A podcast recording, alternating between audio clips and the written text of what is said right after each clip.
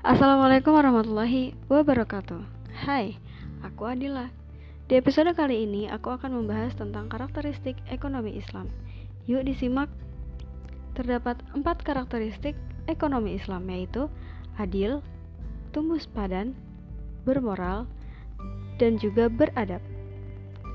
Adil dimaknai sebagai suatu keadaan bahwa terdapat keseimbangan atau proporsional di antara semua penyusun sistem perekonomian.